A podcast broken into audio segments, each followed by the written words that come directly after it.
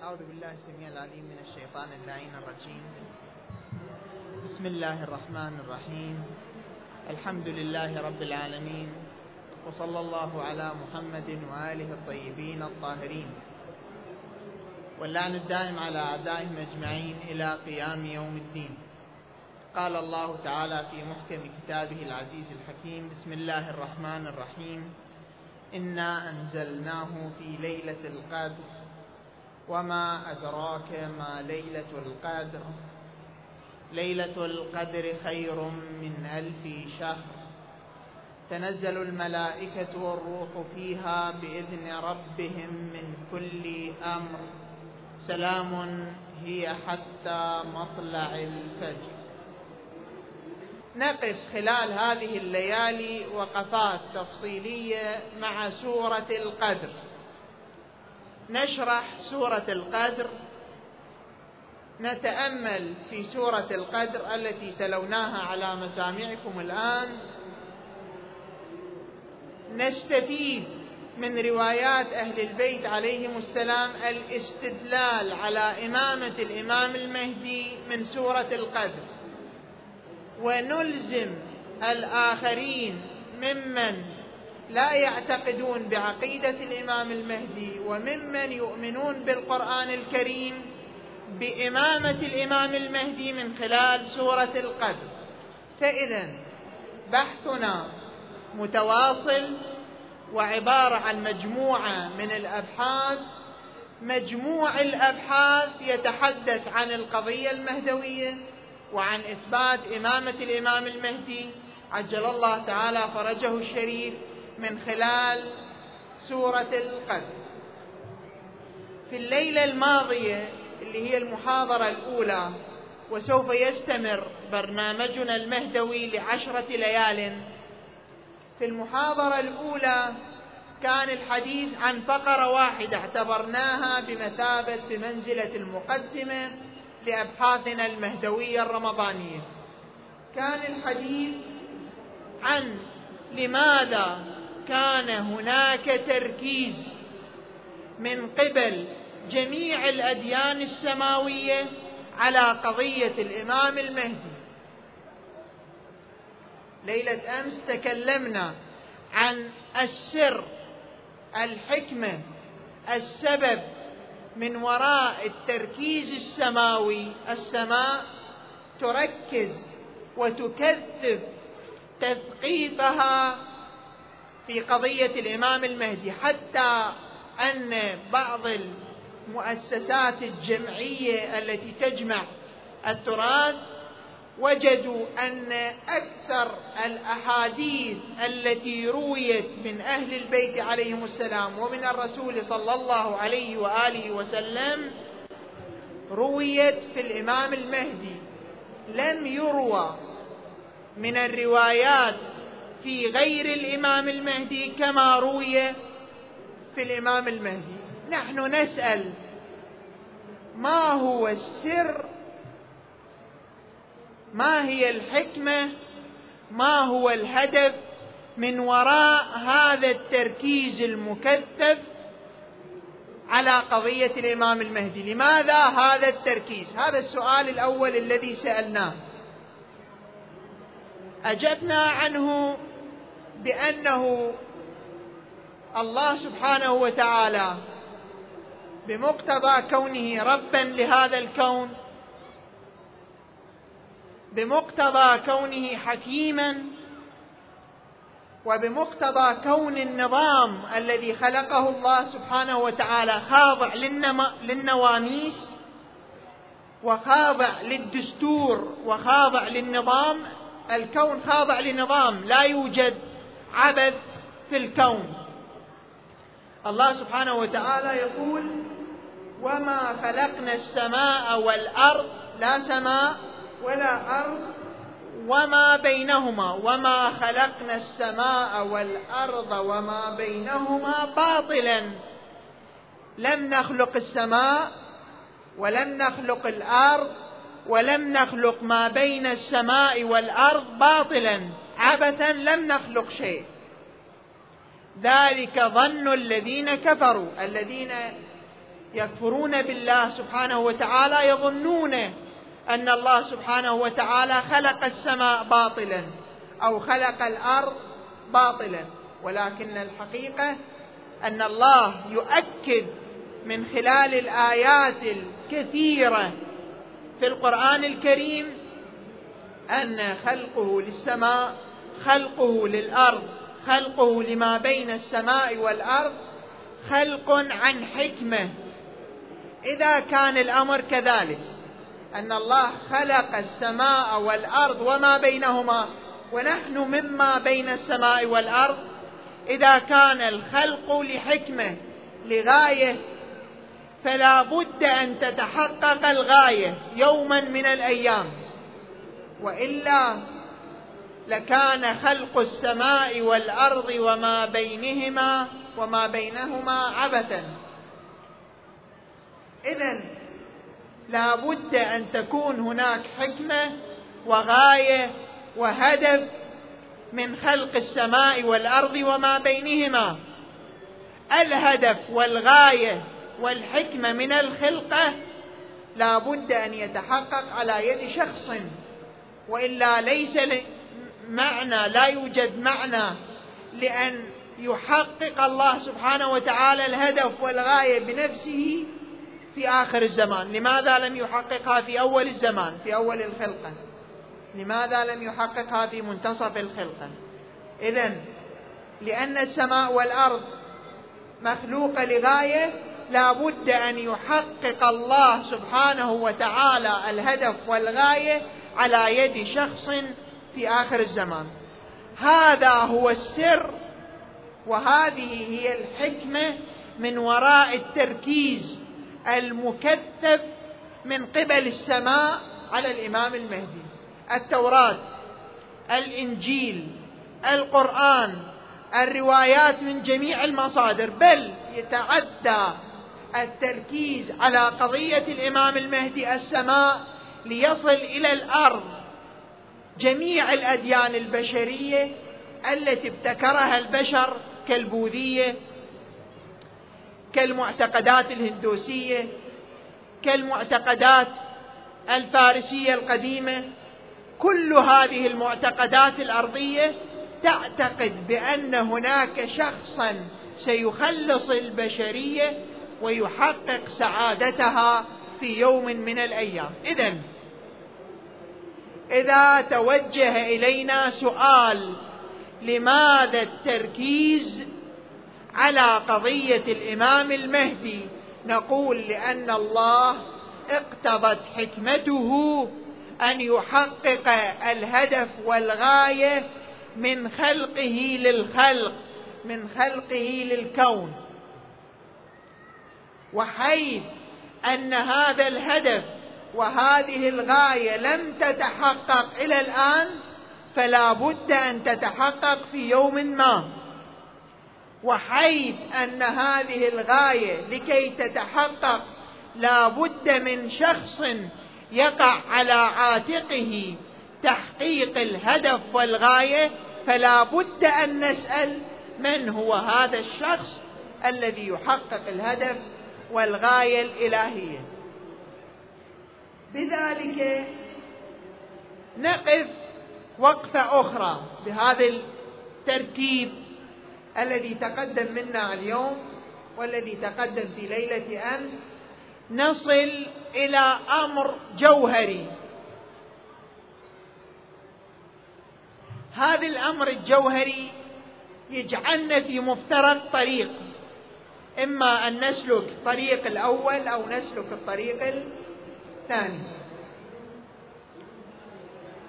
البعض يعتقد أن قضية الإمام المهدي هي قضية نسجت من مخيلة الشيعة الإمامية. القضية قضية خاصة بمذهب معين وليست القضية قضية عامة. البعض هكذا يقول. ويستدل هذا البعض يستدل على هذا القول بأن هناك روايات كثيرة نصت على أن الله سبحانه وتعالى عند ظهور المهدي سيصلح الله أمر المهدي في ليلة واحدة. معنى ذلك أن المهدي غير موجود الآن وإذا شاء الله أن يحقق وعده الإلهي على يد المهدي عليه السلام فإنه سوف يولده في آخر الزمان ويصلح أمره في ليلة واحدة كما نصت الروايات على ذلك. وفهم بعض الناس أن تحقيق الوعد الإلهي يكون في آخر الزمان على يد رجل يولد في آخر الزمان. هكذا يفهم البعض ممن ينتسب إلى الإسلام يفهم قضية الإمام المهدي. إن شاء الله إذا وفقنا بتسديد من الإمام عجل الله تعالى فرجه وبرعاية الإمامين الكاظمين عليهم السلام سوف نثبت لهذا البعض ولغيره أن قضية الإمام المهدي قد نص عليها القرآن وتحدث عنها القرآن وأثبت استمراريتها منذ أن بعث الرسول صلى الله عليه وآله إلى أن يتحقق الوعد الإلهي على يد الإمام المهدي. الدليل على ذلك هو نفس السورة التي تحدثنا عنها كثيرا وهي سورة القدر. الآن نقف وقفتين مع سورة القدر. الوقفة الأولى نرجئها إلى يوم غد. والوقفه الثانية نرجئها إلى يوم غد. والوقفة الأولى وقفة أولية مع سورة ليلة سورة القدر سورة إنا أنزلناه في ليلة القدر. الوقفة الثانية سوف نغوص في أعماق السورة لنستخرج الأدلة الواضحة البينة التي نص عليها القرآن من خلال تفسير أهل البيت وجميع من تحدث وفسر عن سورة القدر ونثبت من خلال ذلك استمرارية إمامة الإمام المهدي ونثبت من خلال ذلك ولادة الإمام المهدي عجل الله تعالى فرجه الشريف من خلال سورة القدر. الآن نقرأ آيات سورة القدر ونقف عندها مفصلا. وقفة أولية. قال الله تعالى إنا أنزلناه في ليلة القدر. إنا أنزلناه في ليلة القدر. يعني أنا الله. الله يتحدث يقول إنا. يعني الله يقول أنا رب العالمين أنزلت شيئا في ليلة القدر. هذا الإنزال إما بواسطة أو مباشرة. هذا ليس بحثنا الآن. إنا أنزلناه. ما هو الشيء الذي تم إنزاله في ليلة القدر؟ إنا أنزلناه في ليلة القدر. اذا أكو إنزال وأكو شيء نزل وأكو شخص قام بالتنزيل وأكو شخص يستلم ذلك الأمر المنزل. عندنا أربع أشياء. أكو زمن وقت ينزل فيه ما يريد الله إنزاله. هذا شيء. أكو وقت وأكو شيء ينزل في ذلك الوقت أكو نزول لشيء وأكو شخص أنزل وأكو شخص يستلم ما تم إنزاله. إذا عندنا في سورة القدر أربعة أشياء لابد أن نلتفت إليها. قال الله تعالى في محكم كتابه الكريم الحكيم انا انزلناه في ليله مباركه هذه آية أخرى. وقال شهر رمضان الذي أنزل فيه القرآن. اذا إذا جمعنا الآيات التي تتحدث عن ليلة القدر وجدنا أن ليلة القدر تقع في شهر رمضان. اذا ليلة القدر لا تقع في شهر آخر. هذا اولا. الشاه الأمر الآخر نجد من خلال نفس القرآن أن الذي أنزل هو القرآن. لاحظ شهر رمضان الذي أنزل فيه القرآن. إذا رجعنا إلى ليلة القدر ماذا نجد؟ نجد شيء آخر. إنا أنزلناه في ليلة القدر. اذا القرآن. وما أدراك ما ليلة القدر؟ سنتحدث عنها.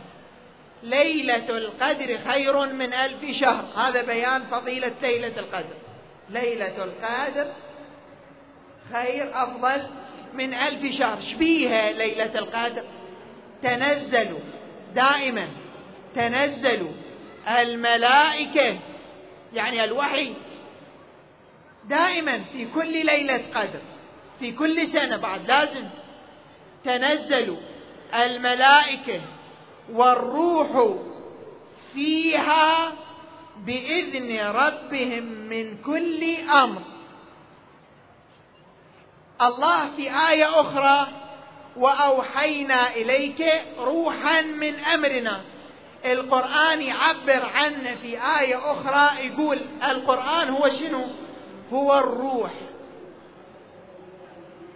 إذا جمعنا مجموع الآيات الأربعة آيات سورة القدر وآيات الليلة المباركة وآيات الشهر وآيات الروح نجد أن هناك نجد أن هناك تنزل دائم مستمر من السماء إلى الأرض.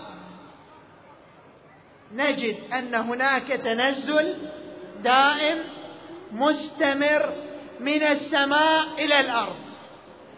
عرفنا أن محل التنزل. وقت التنزل هو ليلة القدر التي تقع في شهر رمضان. عرفنا أن الأمر الذي ينزل هو القرآن وهو الروح. هذا عرفناه. عرفنا أن الذي ينزل هو الله. إما بالواسطة مباشرة العفو إما مباشرة أو بواسطة الملائكة. لا فرق في ذلك لا مشكلة في ذلك. فلا بد أن نعرف على من يتنزل الروح وعلى من يتنزل الأمر. هذا خطاب سماوي مستمر. هذه ليست رواية يرويها البعض حتى يقال أنها ضعيفة.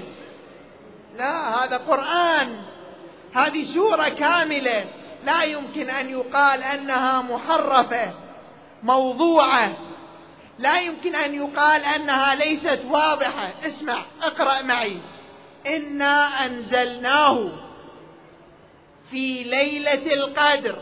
وما أدراك ما ليلة القدر؟ ليلة القدر خير من ألف شهر. تنزل دائما مستمرة. ما قال نزلت.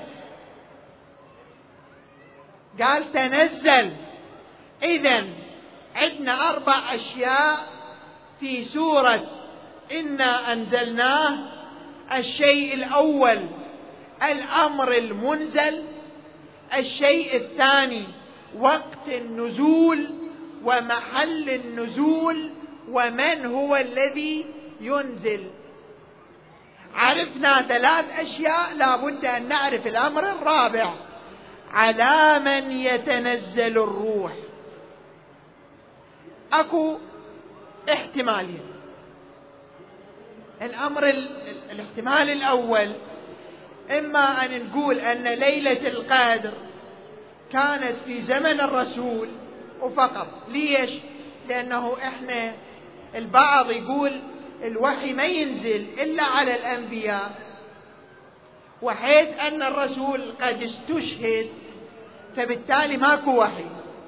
وسورة القدر تؤكد على أنه تنزل الروح وبعد والملائكة. حيث أن الملائكة تنزل وحي الملائكة وحي. فلا بد أن نقول أن سورة القدر خاصة بزمن الرسول صلى الله عليه وآله. هذا قول الأول. القول الثاني يقول أن سورة القدر غير خاصة بزمن الرسول لا مستمرة ولكن تنزل على أي شخص كان. حاكم جائر شخص مجهول شخص ما معروف ايا كان تنزل عليه الملائكة. هذا القول الثاني. القول الثاني باطل. سوف نستدل على بطلانه الليلة القادمة إن شاء الله. القول الأول وهو أن ليلة القادر خاصة بزمن الرسول باطل.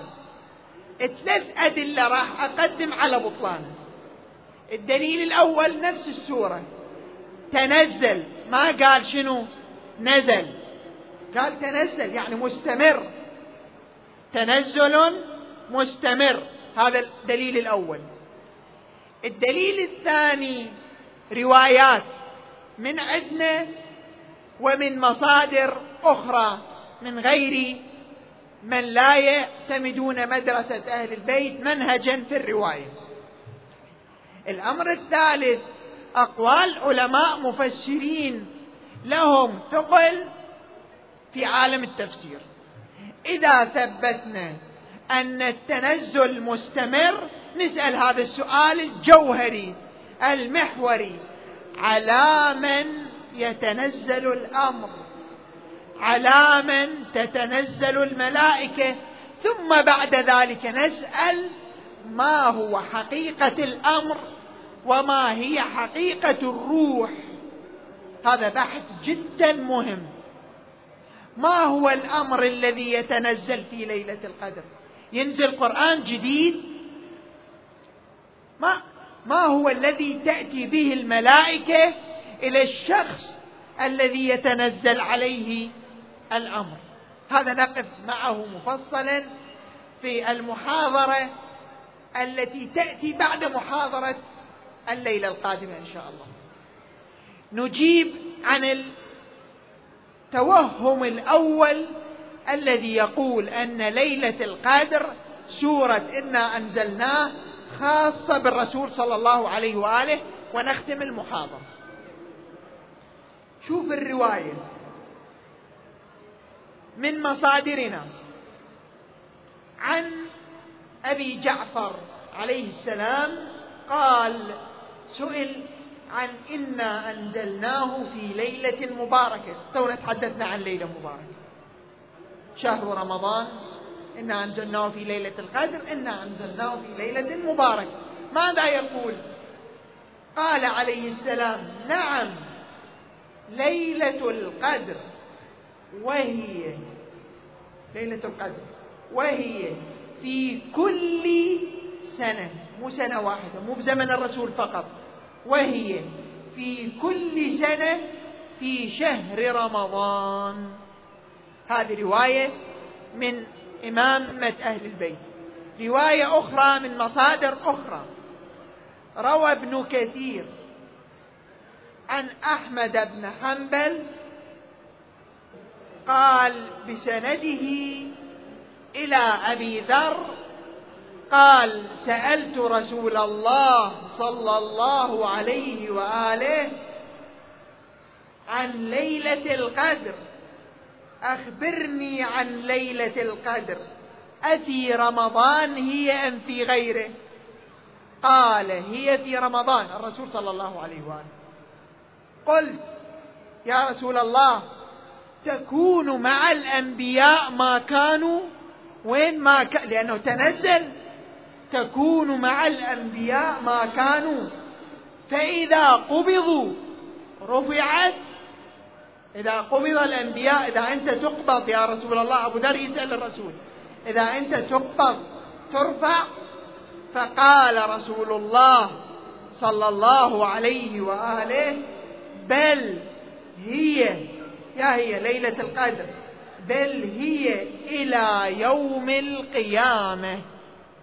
باقي إلى يوم القيامة. هذه رواية يرويها ابن كثير من أكبر علماء التفسير والرواية والتأريخ عند الفرق الإسلامية الأخرى.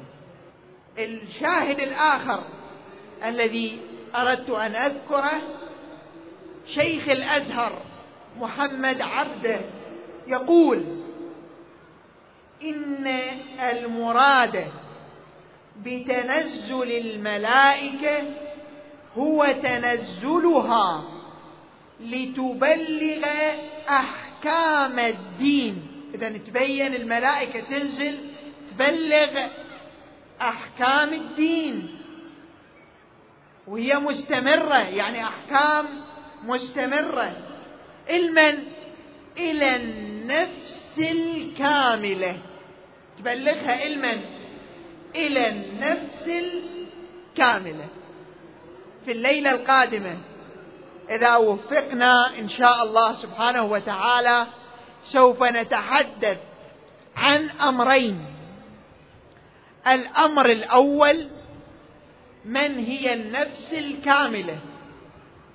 الأمر الثاني هل هناك وحي ينزل ويصعد وعلى من ينزل؟ وبأي شيء ينزل. وما هي حقيقة ليلة القدر؟ ليلة القدر هل هي وجود؟ هل هي تاريخ زمن 24 ساعة 12 ساعة؟ لماذا جعل شهر رجب وشهر شعبان تمهيدا لشهر رمضان؟ ولماذا جعل شهر رمضان تمهيدا لليلة القدر؟ لماذا؟ كل أدعية شهر رمضان كلنا نتوجه نقول نتوسل بالله ندعو الله أن يوفقنا لليلة القدر. ما هو السر؟ على ماذا تحتوي ليلة القدر؟ حتى حظيت بهذه الأهمية. هذا مفصل مهم ومحور مهم وعلى هذا المفصل والمحور تترتب أغلب العقائد الإسلامية في الوقت الحاضر. فلا بد أن نتصور المطلب جيدا نفهمه جيدا حتى نتمكن من معرفة ليلة القدر وحتى نعطيها أهميتها واستحقاقها. اذا انتهينا إلى الآن من أمرين. الأمر الأول لماذا ركزت السماء على قضية المهدي؟ انتهينا. أثبتنا ما هو السر؟ الأمر الآخر هل أن ليلة القدر مستمرة أم لا؟ أثبتنا أن ليلة القدر ليلة مستمرة وسنثبت وسنثبت في المحاضرتين الآتيتين ارتباط ليلة القدر وارتباط حديث الثقلين بليلة القدر وارتباط ليلة القدر بالنفس الكاملة وما هي حقيقة ليلة القدر. أقول قولي هذا وأستغفر الله لي ولكم وأسأل الله سبحانه وتعالى بحق صاحب الأمر وبحق الإمامين الهمامين الكاظمين الجوادين أن يوفقنا لأن نعرف ليلة وأن نحيي ليلة القدر وأن يمنحنا فضل ليلة القدر إنه سميع مجيب. اللهم كن لوليك الحجة بن الحسن صلواتك عليه وعلى آبائه في هذه الساعة وفي كل ساعة وليا وحافظا وقائدا وناصرا ودليلا وعينا حتى تسكنه أرضك طوعا وتمتعه فيها طويلا. برحمتك يا أرحم الراحمين. وصلى الله على محمد وآله الطيبين الطاهرين. والسلام عليكم ورحمة الله وبركاته.